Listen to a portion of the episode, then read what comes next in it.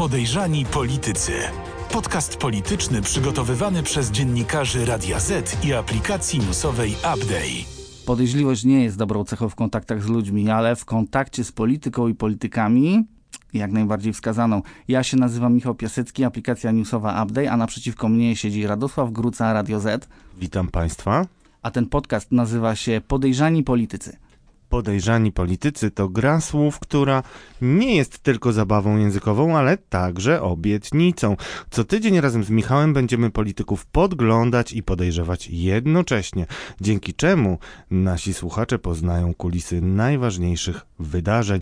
Już od pierwszego odcinka odsłonimy i nagłośnimy to, co politycy chcieliby zachować w ciszy i ukryć przed opinią publiczną. Naszą ambicją jest nie tylko pokazywać Państwu politykę, ale także tłumaczyć jej zasady.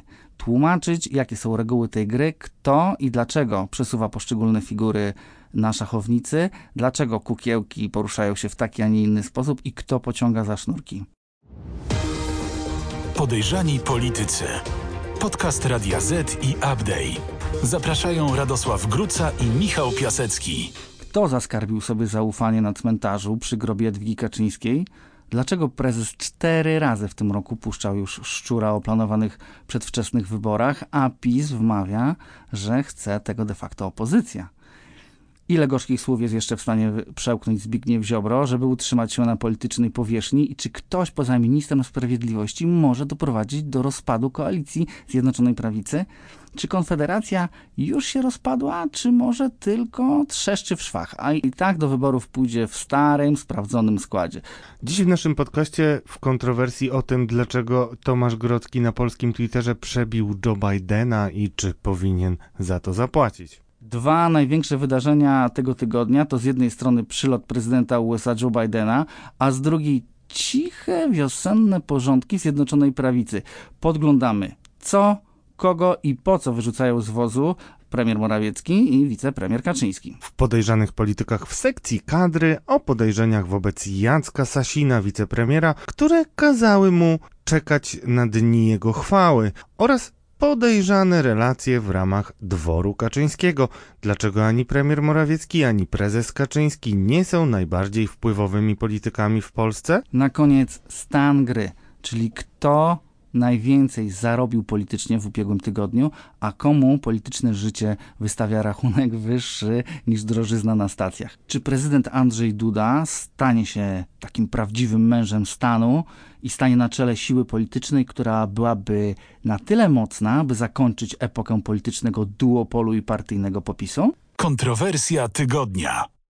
Tej części programu będziemy starali się mm, brać na warsztat polityczny konkretne wydarzenie bądź konkretne zachowania jakiegoś polityka, by móc pokazać Państwu pewne reguły, które rządzą życiem polityków. Weźmiemy jakiś przykład, położymy go na stole operacyjnym i razem z Radkiem wyciągniemy z wewnątrz wszystko, co się da, aby pokazać Państwu, jakie zasady tym rządzą. A naszym pierwszym pacjentem będzie polityk Platformy Obywatelskiej, marszałek Senatu Tomasz Grodzki. Marszałek Senatu miał ostatnio wypowiedź, która mm, w mediach prorządowych została uznana za skandaliczną i niezwykle kontrowersyjną. Może ja ją przytoczę w całości. Mm, marszałek Grodzki powiedział: Muszę Was przeprosić za to, że niektóre firmy w haniebny sposób kontynuują działalność w Rosji, że nadal przez Polskę jadą tysiące tirów na Białoruś i dalej, że nadal rząd importuje rosyjski węgiel i nie potrafi zamrozić aktywów rosyjskich oligarchów. W ten sposób, z nie dającą się zaakceptować hipokryzją, nadal, nawet wbrew intencjom, finansujemy zbrodniczy reżim, który zdobyte pieniądze zużywa na mordowanie niewinnych ludzi. Dobrze, tyle, koniec cytatu. E, e, Radek, pytanie teraz, jak interpretować to bardzo mocne uderzenie w rząd, który przypomnę tylko, że jeżeli chodzi o arenę międzynarodową, to my jesteśmy takim trendseterem, jeżeli chodzi o wymyślanie sankcji, e, sankcji na Rosję. W zasadzie po tych ostatnich 10 propozycjach, które zgłosił premier w Brukseli, to ciężko już nawet wymyślić coś więcej, co moglibyśmy Rosjanom zabrać, zakręcić, odciąć. No, jakby w sferze e, pomysłów, to faktycznie z pomysłami jest całkiem nieźle, jeśli chodzi o Zjednoczoną Prawicę. Trochę gorzej z tym, że te pomysły tak jakby są rzucane sobie amuzą, e, tak jak e, już nie będziemy się znęcać dzisiaj nad wizytą w Kijowie premiera Mateusza Morawieckiego i prezesa Kaczyńskiego, ale widać wyraźnie, że to wszystko, co tak efektownie było przedstawiane w mediach prorządowych, no, okazało się być e, takim pomysłem hmm, chyba dość spontanicznym, a na pewno nieuzgodnionym z naszymi sojusznikami, więc hmm, mierz siły na zamiary i zamiary na siły. No dobrze, ale mamy tutaj teraz na stole operacyjnym y, tą wypowiedź y, marszałka Senatu.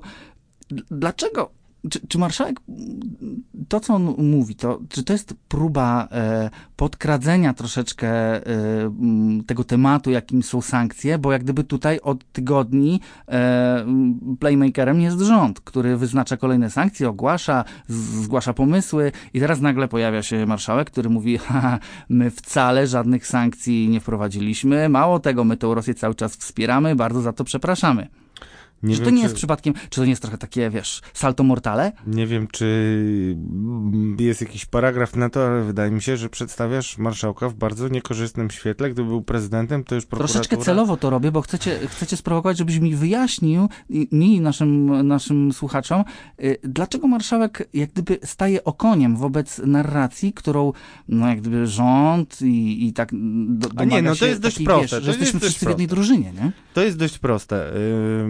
To, to, to, to jest dość proste, za chwilę ci to wytłumaczę. Dużo bardziej intrygujące jest to, dlaczego ktoś podpowiada takie pomysły marszałkowi. No na pewno jest tak, że mm, nasza ekipa rządowa gra trochę e, w ciuciu babkę mm, z opinią publiczną, bo e, oczywiście pokazuje się jako ta siła polityczna, która najbardziej mm, dąży i oczekuje i werbalizuje swoje różne pomysły dotyczące sankcji, ale z drugiej strony jakoś jeszcze ciągle nie przekłada się to na konkretne decyzje i na pewno jeszcze żadnego mm, kuku Rosji nie zrobiliśmy e, jako Polska.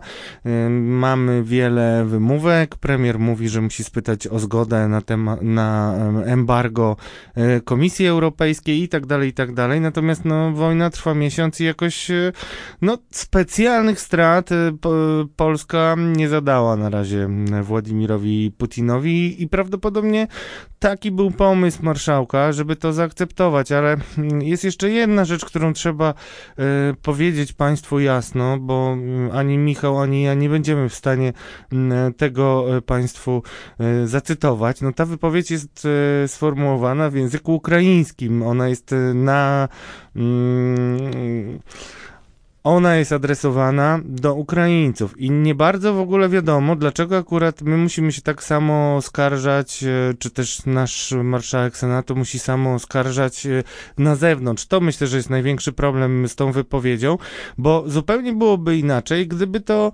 e, było nawet jakieś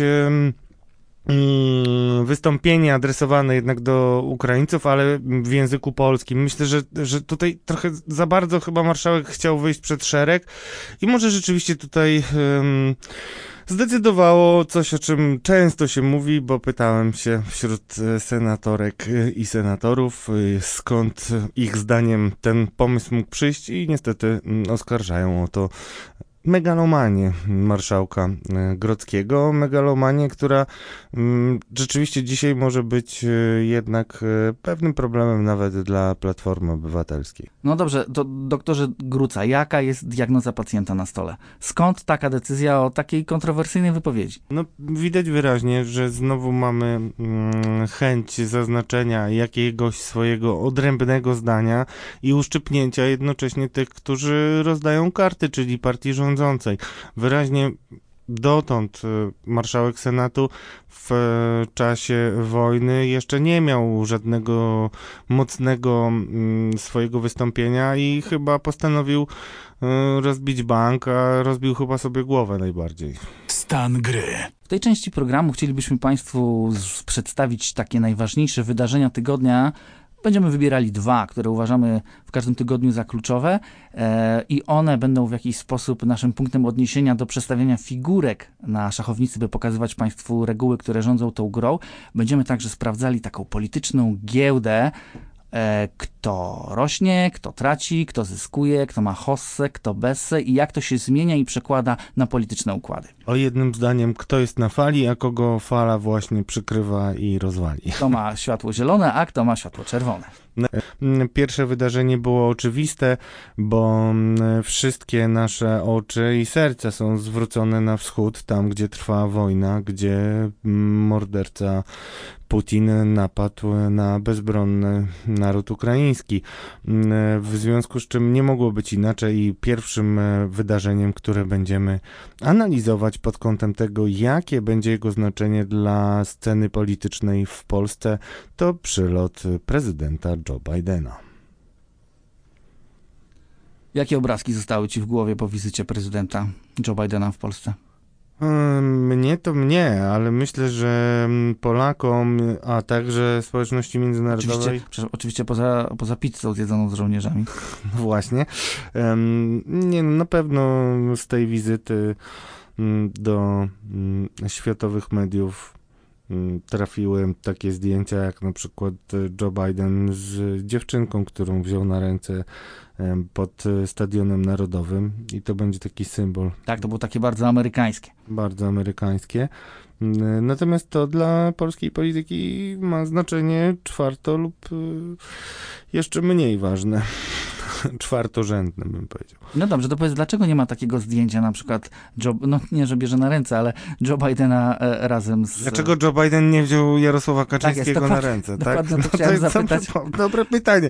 Myślę, że myślę, że wielu zwolenników PiSu może się nad tym zastanawiać, ale mm, mówiąc zupełnie poważnie, mm, jeśli słuchało się wypowiedzi Jarosława Kaczyńskiego przed tą wizytą, a były takie dwie okazje, bo był jeden wywiad dla mm, gazety Polska The Times, czyli mm, tej gazety, która jest jedną z kilku kupionych przez Orlen mm, Daniela Obajtka, a także jeśli się słuchało rozmowy z Jerzym Jachowiczem w Polskim Radiu Jarosława Kaczyńskiego, to w zasadzie można było e, już określić, co się wydarzy albo co się nie wydarzy w sobotę, bo mm, prezes Jarosław Kaczyński w tej drugiej rozmowie w Polskim Radiu mówi jasno, że on nie spodziewa się żadnych, żadnych tutaj takich przełomowych historycznych wątków w wystąpieniu prezydenta i może dlatego mu tak nie zależało aż bardzo, e, żeby mieć e, z prezydentem zdjęcie, bo już abstrahując od polskiej polityki, no jednak e, oczekiwania chyba w stosunku do prezydenta e, USA w Warszawie były dużo większe. To znaczy nie została po tej wizycie konkretna decyzja na przykład o tym, żeby do Polski e, sprowadzić kolejnych kilka baterii rakiet Patriot, czy też przeznaczyć e, jakieś środki na budowę stałej bazy, no to wszystko jest coś, e, czego zdecydowanie mm, mimo marzeń polskich mm, nie dostaliśmy, mówiąc krótko.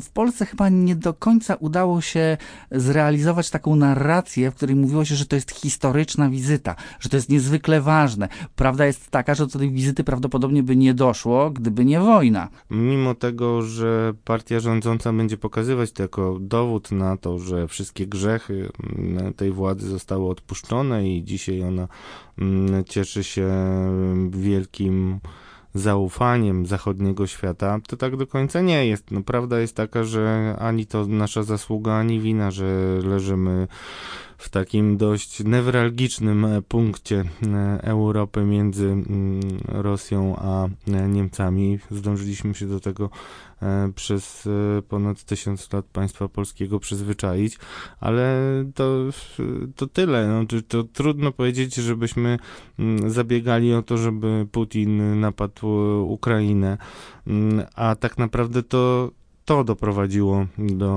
tego, że nad Wisłę zawitał prezydent Stanów Zjednoczonych, prezydent, który, przypomnijmy, jeszcze niedawno był wyśmiewany nie tylko przez prawicowych dziennikarzy, ale też przez polityków partii rządzącej, a prezes TVP mm, Jacek Kurski no, wręcz no, trzymał kciuki do samego końca, żeby tylko Joe Biden nie został prezydentem, więc to, no, to jest rzeczywiście e, dopust Boży, że mimo tych wszystkich e, błędów, bo tak trzeba o tym mówić.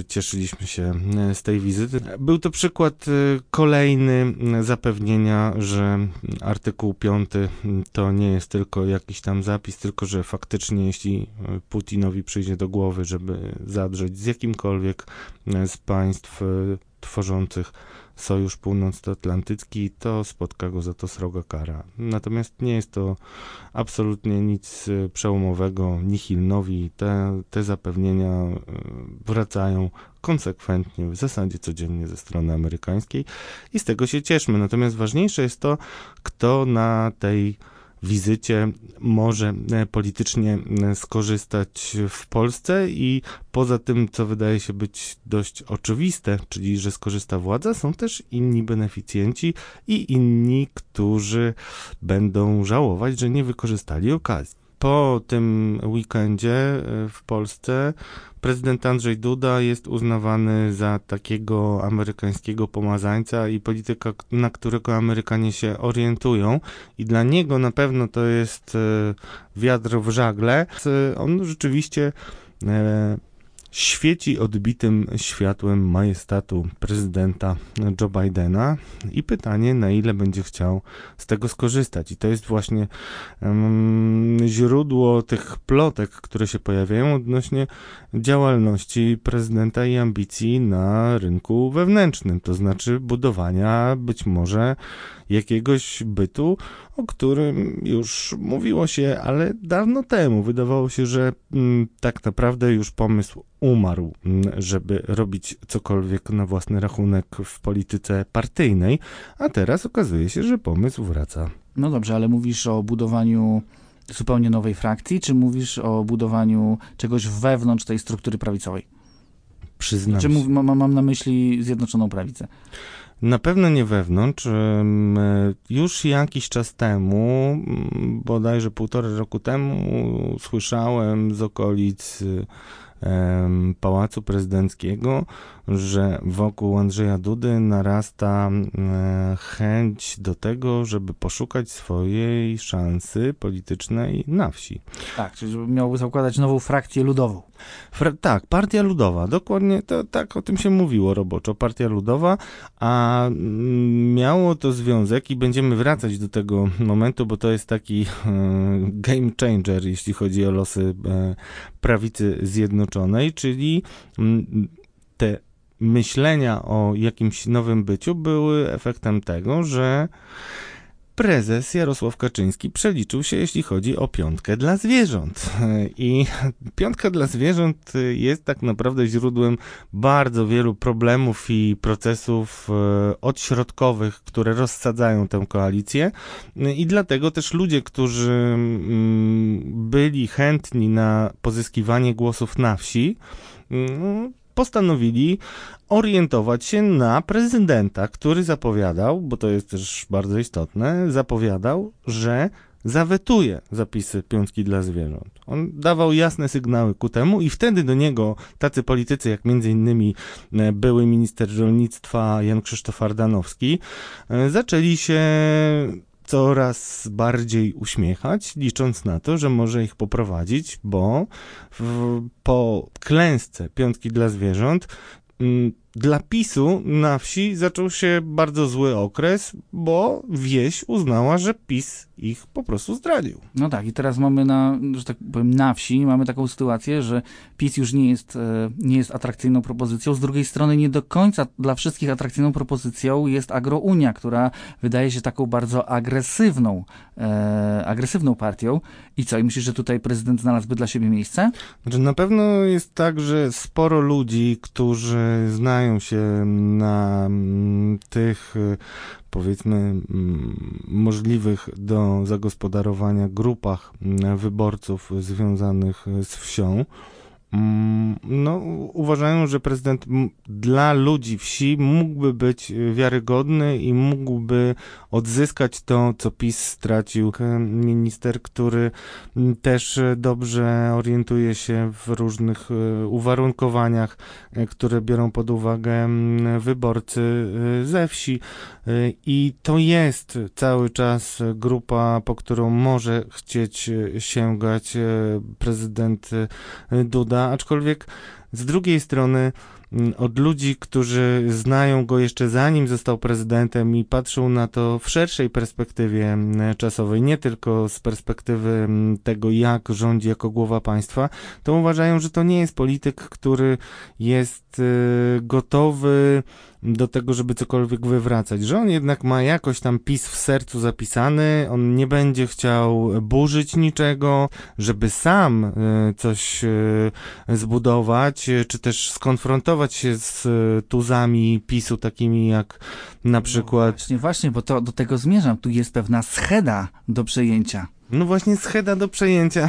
Będziemy na pewno wielokrotnie o tym rozmawiać. No schedę miał przejąć Mateusz Morawiecki od y, polityków Solidarnej Polski. Słyszę często, że mm, takie kąśliwe komentarze pod kątem relacji jego z Jarosławem Kaczyńskim, że to jest przecież y, umiłowany syn prezesa y, Mateusz Morawiecki, nawiązując do tych takich sygnałów, które mm, wypłynęły z PiSu politycy Prawa i Sprawiedliwości od dawna czują dyskomfort z tym, że narzuca im się mm, nowego prezesa w postaci Mateusza Morawieckiego.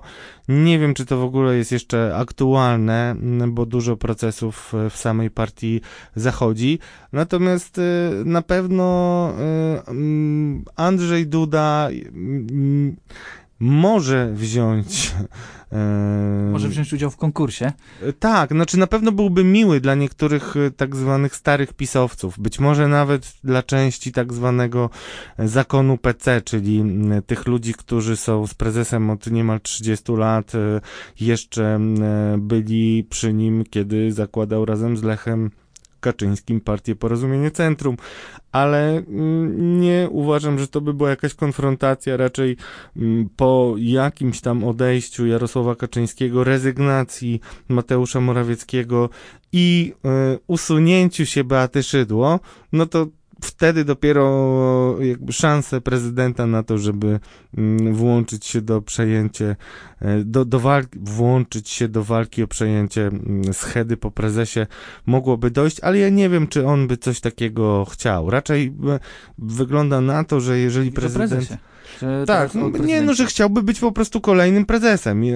Raczej y, musiałoby stać się tak, że PiS się skończy w taki czy inny sposób, y, mniej lub bardziej spektakularnie, a Andrzej Duda, który przecież jest politykiem jednak młodym, a już po dwóch kadencjach prezydenta, Mm, mógłby mm, być jednym z liderów, czy też liderem jakiegoś nowego tworu, który na gruzach PiSu mógłby powstać. Natomiast, żeby był e, jakąś siłą, która by z PiSem walczyła, no way, to się po prostu nie wydarzy. Wróćmy do Jarosława Kaczyńskiego. Wspomniałeś o dwóch wywiadach, których e, udzielił ostatnio, które z różnych powodów, bo była tam mowa też o katastrofie smoleńskiej, e, rozeszły się szerokim echem, ale była tam też taka wypowiedź, która no, chyba trochę zmroziła krew w żyłach niektórym politykom. Mm. Znaczy na pewno takie było marzenie Jarosława Kaczyńskiego. Może, a możesz, możesz przytoczyć, przytoczyć tą, tą, tą Tak, oczywiście prezes powiedział krótko, zrobimy wszystko, by wybory odbyły się w konstytucyjnym terminie, natomiast oczywiście wszystko jest możliwe, nawet jeśli jest znaczna większość parlamentarna, to mogą się odbyć wcześniej. W tej chwili ja też nie mogę tego w 100% wykluczyć. Okej, okay, czyli prezes tak sugeruje, że jak gdyby on nie chce, ale jest taka możliwość i być może trzeba będzie po nią sięgnąć. To mm, do kogo on mówi? On mówi do, do, do, do, której strony? Do opozycji, czy mówi do własnych polityków? Zanim odpowiem na twoje celne pytanie, to zwrócę uwagę na to, że prezes odpowiada na pytanie ludzi, którzy krzywdy mu na pewno nie chcą zrobić. Jest to pierwsze pytanie w tej rozmowie.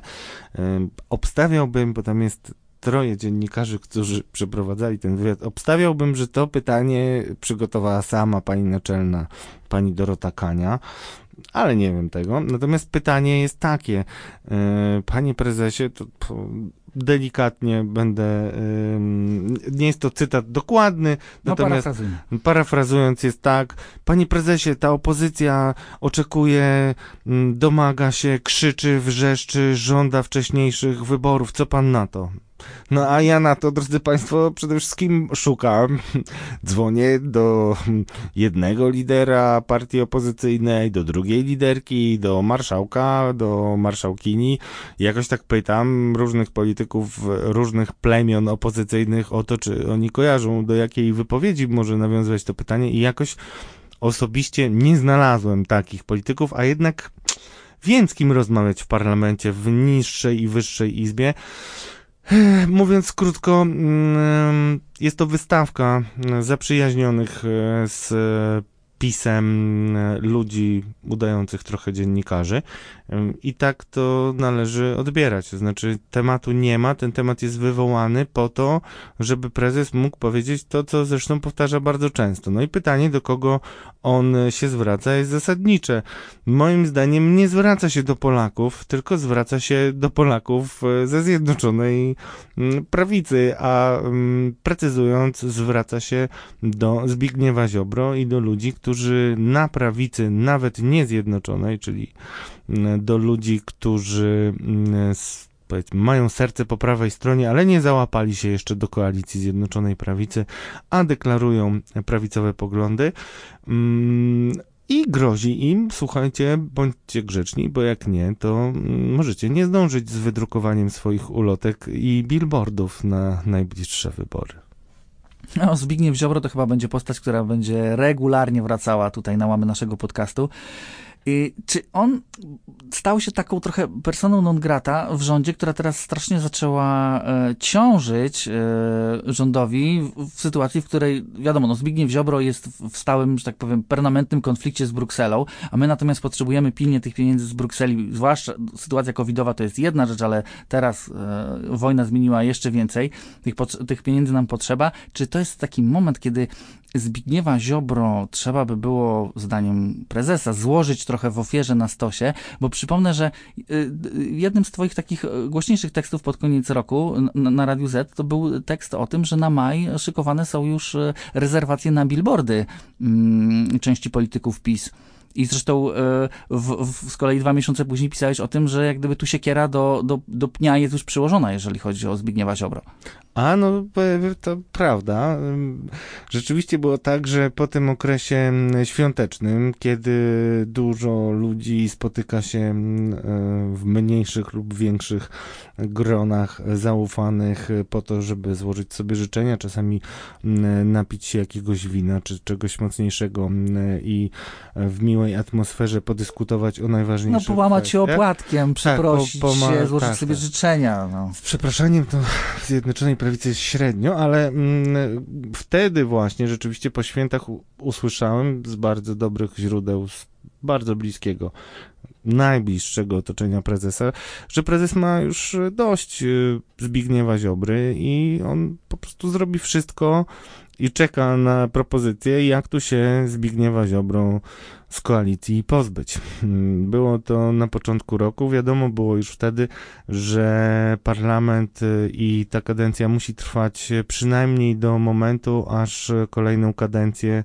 będzie miał mm, załatwioną Adam Glapiński, bardzo bliski polityk e, Jarosławowi Kaczyńskiemu. Mm, no i to wszystko się dzieje, chociaż e, wiele się musiało zmienić, żeby wszystko zostało po staremu. To kiedy pytasz o Zbigniewa Ziobro, to powiem szczerze, e, wszystkie analizy polityczne Zjednoczonej Prawicy powinny zaczynać się od tego, co się dzieje wokół Solidarnej Polski i Zbigniewa Ziobro, bo to jest ten polityk w ramach koalicji, który jako jedyny potrafi um, przedstawiać bez żadnej konsultacji własne pomysły, często idące na przekór prezesowi. No właśnie, to jak Zbigniew Ziobro to robi? Połóżmy go tutaj na naszym stole operacyjnym. Dlaczego on robi coś, co nie udało się Jarosławowi Gowinowi?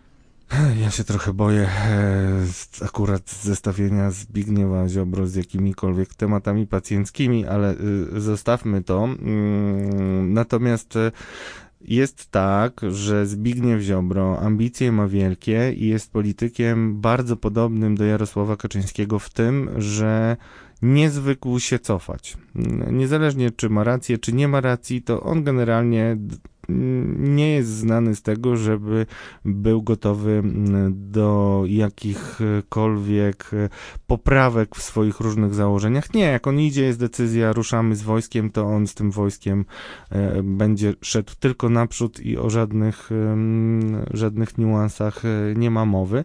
No i widać wyraźnie, że to właśnie Zbigniew Ziobro jest e, razem z politykami Solidarnej Polski i Spiritus Movens wielu problemów i bardzo trudnych e, relacji, jakie ma Warszawa z Brukselą, dokładnie z Komisją Europejską. Na tym polexitowym paliwie Zbigniew Ziobro rośnie dzięki tym różnym eurosceptycznym wypowiedziom może liczyć na wsparcie innymi e, Tadeusza Rydzyka, dyrektora Radia Maryja, więc e, jest to stały problem dla Jarosława Kaczyńskiego i teraz to, co jest najgorsze w tym e, byciu jego problemem. Dla Jarosława Kaczyńskiego najgorsze jest to, że większość rzeczy, które mówi Zbigniew Ziobro, to 100% odzwierciedla odzwierciedlenie tego, co myśli Jarosław Kaczyński. Tylko, że Jarosław Kaczyński jest liderem dużej formacji, jest liderem grupy, e, wielu grup politycznych, kiedy zaczęły się tarcia w ramach Zjednoczonej Prawicy, to powstał taki, taka metafora szerokiego namiotu, w którym mm, wszystko się zmieści, czyli zarówno jakieś takie bardziej lewicowe pomysły, jak i bardzo e, prawicowe, z którymi oczywiście kojarzony jest e, Zbigniew Ziobro. E, no i powiem tak, no, kiedy rozmawia się z politykami Solidarnej Polski, to oni jasno mówią, że my jesteśmy mali, mamy mniej do stracenia, możemy być radykalniejsi i będziemy tym grać, bo na tym zarabiamy, to nam daje polityczne punkty.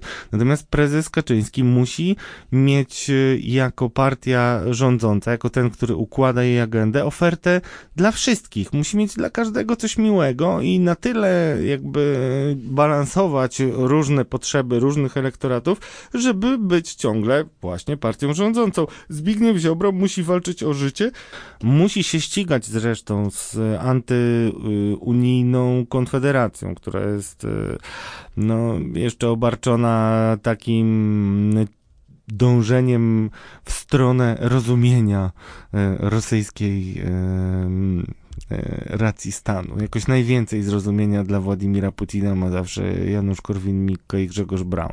No właśnie, to jest e, tak naprawdę najważniejsze pytanie o stan gry i o najważniejsze mm, wydarzenia z e, ubiegłego tygodnia, bo mm, nie wierzę w kolejny spin o tym, że grożą nam wcześniejsze wybory i myślę, i słyszę w szeregach Solidarnej Polski, że Solidarna Polska również w to nie wierzy. Natomiast na pewno najważniejszym wewnętrznym procesem w polskiej polityce będzie proces osłabiania Zbigniewa e, Ziobry, osłabiania pozycji Solidarnej Polski tak, by nie robiła ona problemów rządowi. Przypomnijmy mm, starą zasadę już dawno e, podnoszoną, że Jarosław Kaczyński w swojej politycznej działalności pilnuje przede wszystkim żeby nic mu na prawo e, od niego nie wyrosło. A takie prawo coś... już tylko ściana.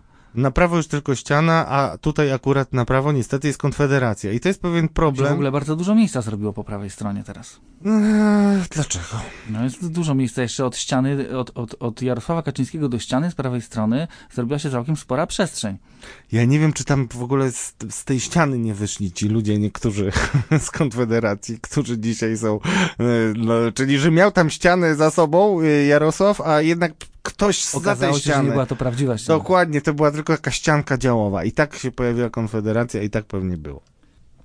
Okej, to skoro jesteśmy przy Konfederacji, to Radek, kto twoim zdaniem na politycznej giełdzie świeci się na czerwono w tym momencie, a kto na zielono? Kto ma hossę, kto ma bessę w tym tygodniu, komu notowania skoczyły, a kto musi się trzymać za portfel? To zależy, jaki mi zrobisz suwaczek yy, odnośnie okresu. Chodzi To ci o, pote- o, o, o przyrost, czy chodzi ci o interwał Chodzi mi- czasowy? cho- interwał czasowy, interwał czasowy, bo jeżeli patrzymy na to, mm, na, na przykład na Konfederację, która dzisiaj dołuje, To wiesz co, to, to powiem ci tak, to weźmy sobie za przedział czasowy, tutaj, w tym, w tym wypadku, weźmy sobie takie dwa, trzy tygodnie ostatnie, czyli wtedy, kiedy już wojna zdążyła się rozpędzić. no to w tym czasie na czerwono wszystko świeci się w Konfederacji, absolutnie. Tam są różne takie robaczkowe mini ruchy wewnętrzne. Mało kto się orientuje w ogóle, że Konfederacja to jest e, no, taka zbieranina trochę jednak czterech ru- grup politycznych. Kiedyś będziemy mieli na pewno możliwość o tym porozmawiać. Na dziś Konfederacja traci dużo, między innymi, albo chyba przede wszystkim dlatego, że jest kojarzona jednak z ciepłymi wypowiedziami, wypowiedziami mm, z ciepłymi wypowiedziami pod adresem Rosji, a szczególnie ciepłymi pod adresem Władimira Putina. A takie wypowiedzi Grzegorz Braun i Jarosław, e, przepraszam, Jarosław Janusz. jest tylko jeden, Janusz Korwin-Mikke mają um, zdecydowanie za dużo. I to powoduje, że Konfederacja leci na łeb, na szyję, jeśli To było ciekawe, dlatego że oni nigdy tego nie ukrywali. Natomiast potrzebna była wojna, żeby nagle Polacy zauważyli, że jest to partia, która no, no, ma takie ciągoty prorosyjskie, delikatnie mówiąc ciągoty. No, jest, to faktycznie dość e, urocze, bo wiadomo o tym od lat, a dopiero teraz nagle ludzie się zorientowali. No dobrze, ale mamy te ostatnie trzy tygodnie i to kto tu się świeci na zielono? No wiadomo, że rząd się świeci na zielono, ale kto w tym rządzie? No właśnie nie wiadomo do końca, kto się świeci na zielono. Znaczy, bo z jednej strony mamy coś takiego, co nazywa się efektem flagi, czyli zbieranie się wokół flagi, czyli taki proces, e, wydawałoby się dość przewidywalny i też spodziewany. To znaczy, w momencie, kiedy mamy zagrożenie, no to społeczeństwo gromadzi się wokół swojej władzy, jaką by ona nie była. No chyba, że ta władza oczywiście przynosi te y, kłopoty, no ale tutaj nie mamy do czynienia z taką sytuacją. Wojna jest jakimś obiektywnie niezależnym od Polski procesem. I mm, zielono na pewno mm, jest y, dla premiera Morawieckiego. Mm, Ale To wcale nie jest takie oczywiste. no właśnie nie jest to oczywiste, ale powiem dlaczego i co o tym świadczy. Najlepiej o tej jego zieloności świadczy decyzja, y, co do której niektórzy politycy, z którymi rozmawiałem, naprawdę poważni politycy, mm, nie zdążyli nawet y, jej przemyśleć.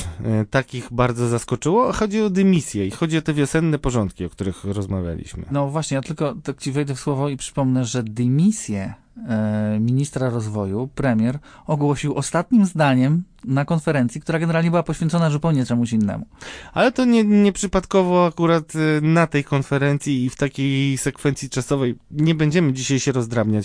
Krótko i na temat jest tak, że był Polski Ład, nowy Polski Ład, Wielki Polski Ład, różne były warianty, ale okazał się być y, dość dużą y, klapą i bałaganem, a nie ładem. I teraz rząd stara się to wszystko odkręcić, zaproponował zmiany, zostawmy to ekonomistom, żeby więcej o tym rozmawiać, natomiast rzeczywiście te wiosenne porządki mają spowodować, że brudy, które narosły i problemy związane z wprowadzeniem e, Polskiego Ładu i z chaosem, który wokół tego e, się e, zrodził, no trzeba było znaleźć jakieś rozwiązanie tej sytuacji i to, takie rozwiązanie zaprezentował premier. M, Przypomnę, że premier jest też jednocześnie ministrem finansów.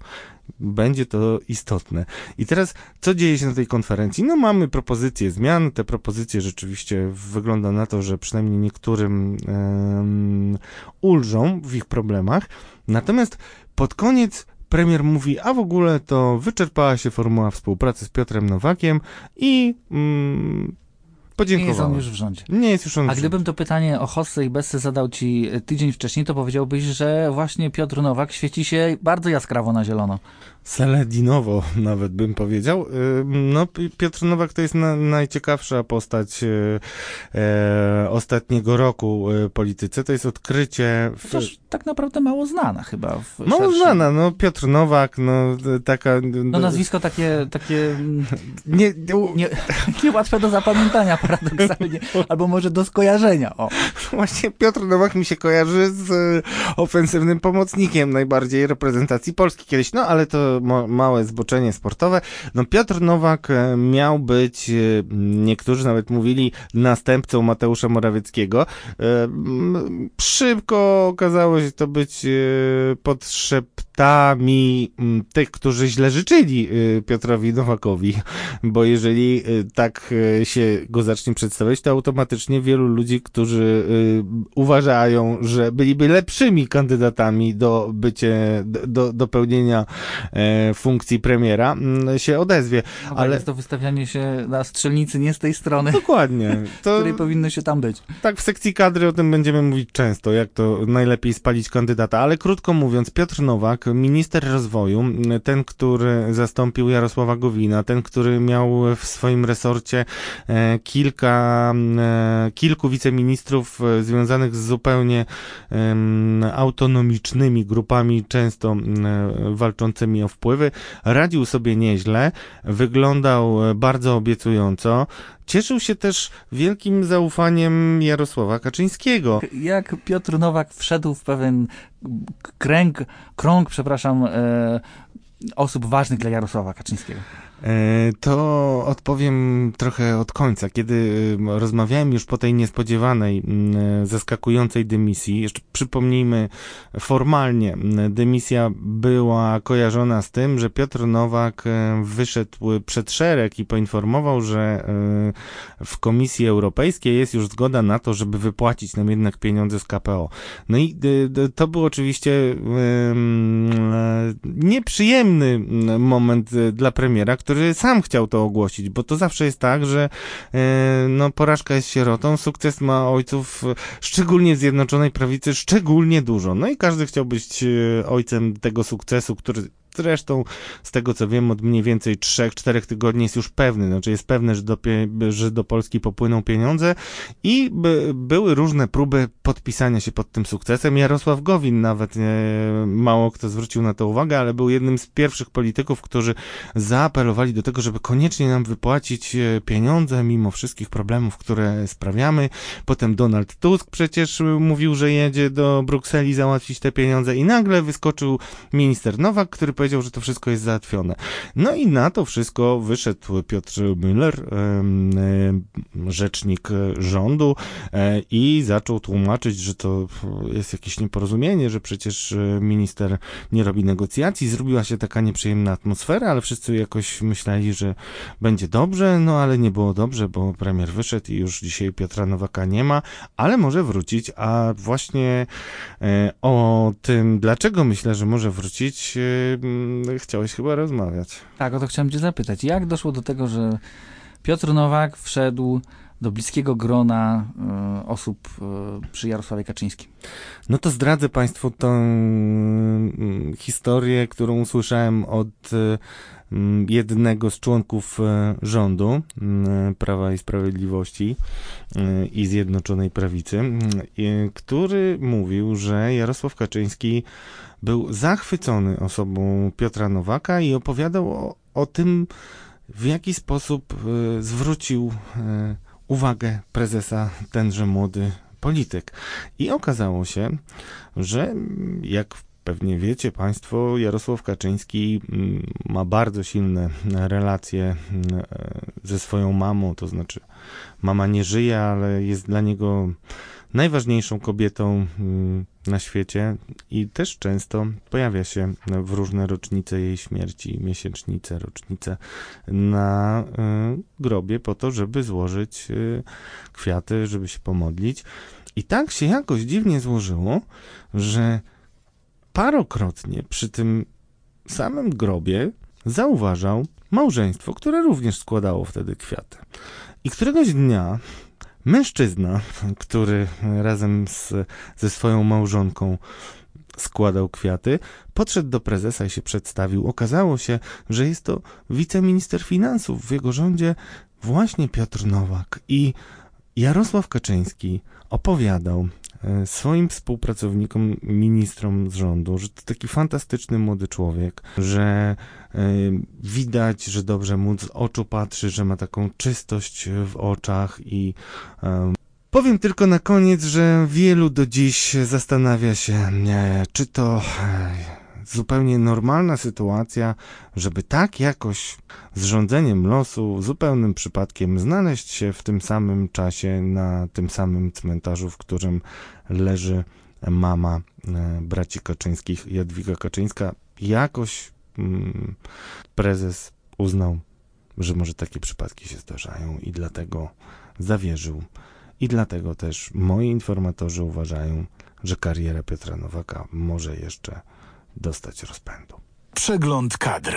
W tej części podcastu chcielibyśmy Państwu opowiedzieć o tym, co tak naprawdę w polityce jest najważniejsze. Radek, co jest w polityce najważniejsze? No wiadomo, że w polityce najważniejsze są kadry. Czyli jeżeli w, Polsce, w polityce najważniejsze są kadry, to najważniejszy jest premier, najważniejszy jest prezydent, marszałek Sejmu i tak dalej. Nie, nie, nie, nie. Kadry, kadry, kadry. Kadry zupełnie u nas y, chodzą inaczej niż w większości normalnych y, państw. Polska jest krajem zupełnie nadzwyczajnym i u nas kadry przede wszystkim wywodzą się z partii i te układanki od partii idą w górę, a nie y, w drugą stronę. To znaczy, budujesz sobie pozycję w partii i to dla ciebie może być trampolina w jedną albo w drugą stronę. Okej, okay, będziemy, będziemy, proszę Państwa, mówić nie tylko o tym, o czym Państwo od razu teraz sobie pomyśleli, czyli o wszystkich załóżnikach i mm, osobach ze środowiska Jarosława Koczyńskiego, chociaż też, bo muszą Państwo wiedzieć, że kadry to jest to, co jest w polityce najważniejsze, ale co wcale niekoniecznie wystaje ponad powierzchnię wody. Jeżeli pamiętacie Państwo ze szkoły taki obrazek, jak wygląda góra lodowa, to dokładnie tak wygląda partia polityczna. To, co my widzimy, bardzo często jest tylko tą niewielką częścią nad powierzchnią wody, a pod spodem, pod spodem jest bardzo wielu ludzi, którzy tworzą długie, szerokie, rozbudowane struktury partyjne, którzy mają swoich krewnych, którzy mają swoich znajomych, którzy mają swoje rodziny i mają swoje ambicje. Nie wiem skąd ci się wzięła taka aż yy, metafora góry lodowej, ale to jest dobra metafora, ponieważ yy, właśnie z tego rdzenia wyrastają potem yy, różni liderzy, a niekoniecznie są oni u sterów tejże góry. Ale krótko. Dobrze, to krótko i na temat. E, Radek, powiedz mi teraz, na ten moment, bierzemy znowu interwał tych ostatnich e, dwóch, trzech tygodni, e, taka figura jak czarny koń w strukturach dworu Jarosława Kaczyńskiego, czyli w, no powiedzmy w szeroko rozumianym PiSie. No właśnie ja nie bardzo rozumiem, jak to się dzieje, że my musimy mówić o tej postaci w kategorii czarnego konia, bo ale jesteśmy pierwsi, więc musimy e, od czegoś e, zacząć. No, okazuje się, że tym czarnym koniem, który moim zdaniem już peleton zostawił za sobą, mm, jest e, wicepremier Jacek Sasin, drodzy Państwo. Niepozorny wicepremier Jacek Sasin, który jakiś czas temu był jeszcze kojarzony w zasadzie tylko z tymi nieudanymi niezrealizowanymi wyborami kopertowymi, ze stratą pieniędzy, z mnóstwem zamieszania i to, to jest ten czarny koń? No właśnie, nawet były takie memy z, przeliczające koszty wywalenia w błoto pieniędzy na wybory kopertowe na walutę Sasiny. Sasiny były e, i, i, i wydawało się, że to po prostu totalny obciach i polityk, e, który no, jest skazany na upadek, mówiąc No tak się wydawało, że jeszcze jakiś czas A okazuje się, że jest zupełnie inaczej. No właśnie, no jak jest? Jest tak, że gdzie dwóch się bije, tam trzeci korzysta. Wszyscy myślą, że... Trzecim jest Jacek Sasin. A tym pierwszym i drugim jest Mateusz Morawiecki, premier i już wspominany przez nas Zbigniew Ziobro z Solidarnej No dobrze, Polski. to jak to się dzieje, że Jacek Sasin, który generalnie ma taką historię ostatnią polityczną, jaką ma, rośnie przy uchu prezesa? No właśnie on e, nawet nie przy uchu... Wiesz co? To fajnie, że o to spytałeś, bo w zasadzie to on jest taką protezą ucha prezesa. Ponieważ prezes nie ma czasu na wszystko, jak wiadomo.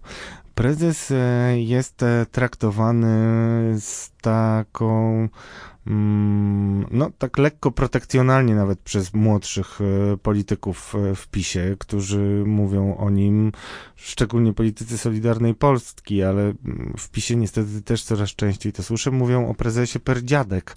I ja nie wiem, czy to tak do końca jest e, ciepłe mm, słowo, czy bardziej takie, które mówi dziadku, szykuj się na emeryturę, bo nie znasz się na tym, jak świat wygląda, a my doskonale się znamy. Więc to tak mniej więcej wygląda. Często słyszę, e, że Kaczyński dziadek e, wraca mm, i zatacza coraz szersze kręgi, co jeszcze parę naście miesięcy temu było nie do pomyślenia, drodzy Państwo. No teraz taki jest stan ducha. Niemniej jednak, jak to się stało, że dzisiaj wskazuje Sasina jako najpotężniejszego polityka?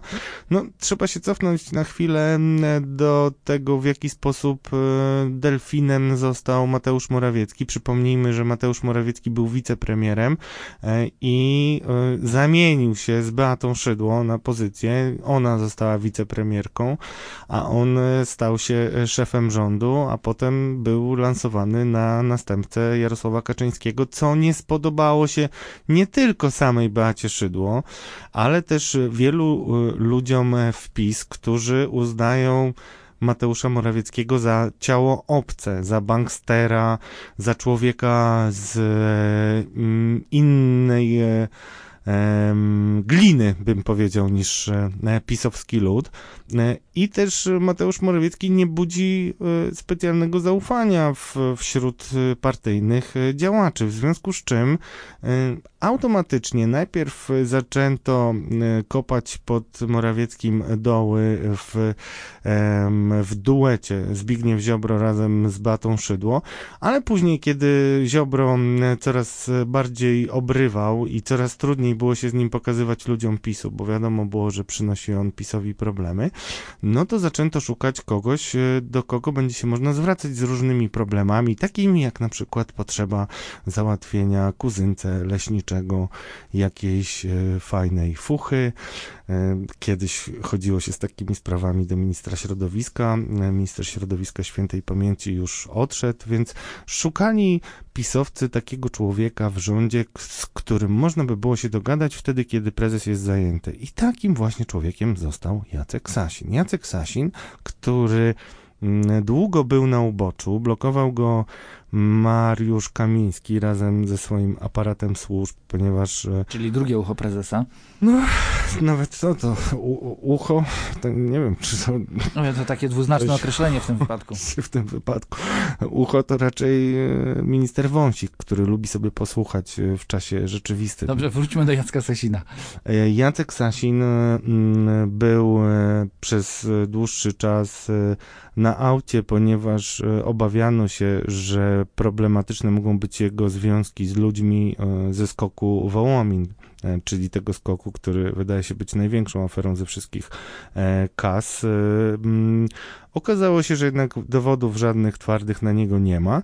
I Jacek Sasin, który nigdy nie pokazywał, że walczy o jakąkolwiek palmę pierwszeństwa, zaczął stopniowo budować coraz mocniejszą pozycję, ponieważ y, zawsze mógł znaleźć czas dla ludzi, którzy szukali sobie jako jakiegoś miejsca, jakiejś pracy, y, jakiegoś przedsięwzięcia do załatwienia, ale przede wszystkim y, on jest ministrem aktywów państwowych, więc ma aktywa, które może rozdawać. I e, to są właśnie frukty, które mm, ludziom partii są szczególnie potrzebne, bo spółki Skarbu Państwa są na terenie całego kraju, więc mogą przyjąć różne rodziny królicze mm, i partyjne, w związku z czym automatycznie jest o czym z ministrem Sasinem rozmawiać. I przy tym wszystkim minister Sasin zaczął coraz więcej ludzi mm, lansować, mm, wcześniej mało znanych, na eksponowane stanowiska, łącznie z tym, że dzisiaj już poza Piotrem Nowakiem, który musiał odejść. E, w rządzie za jego e, człowieka jest e, uważana na przykład minister Moskwa, minister klimatu i jeszcze kilku innych.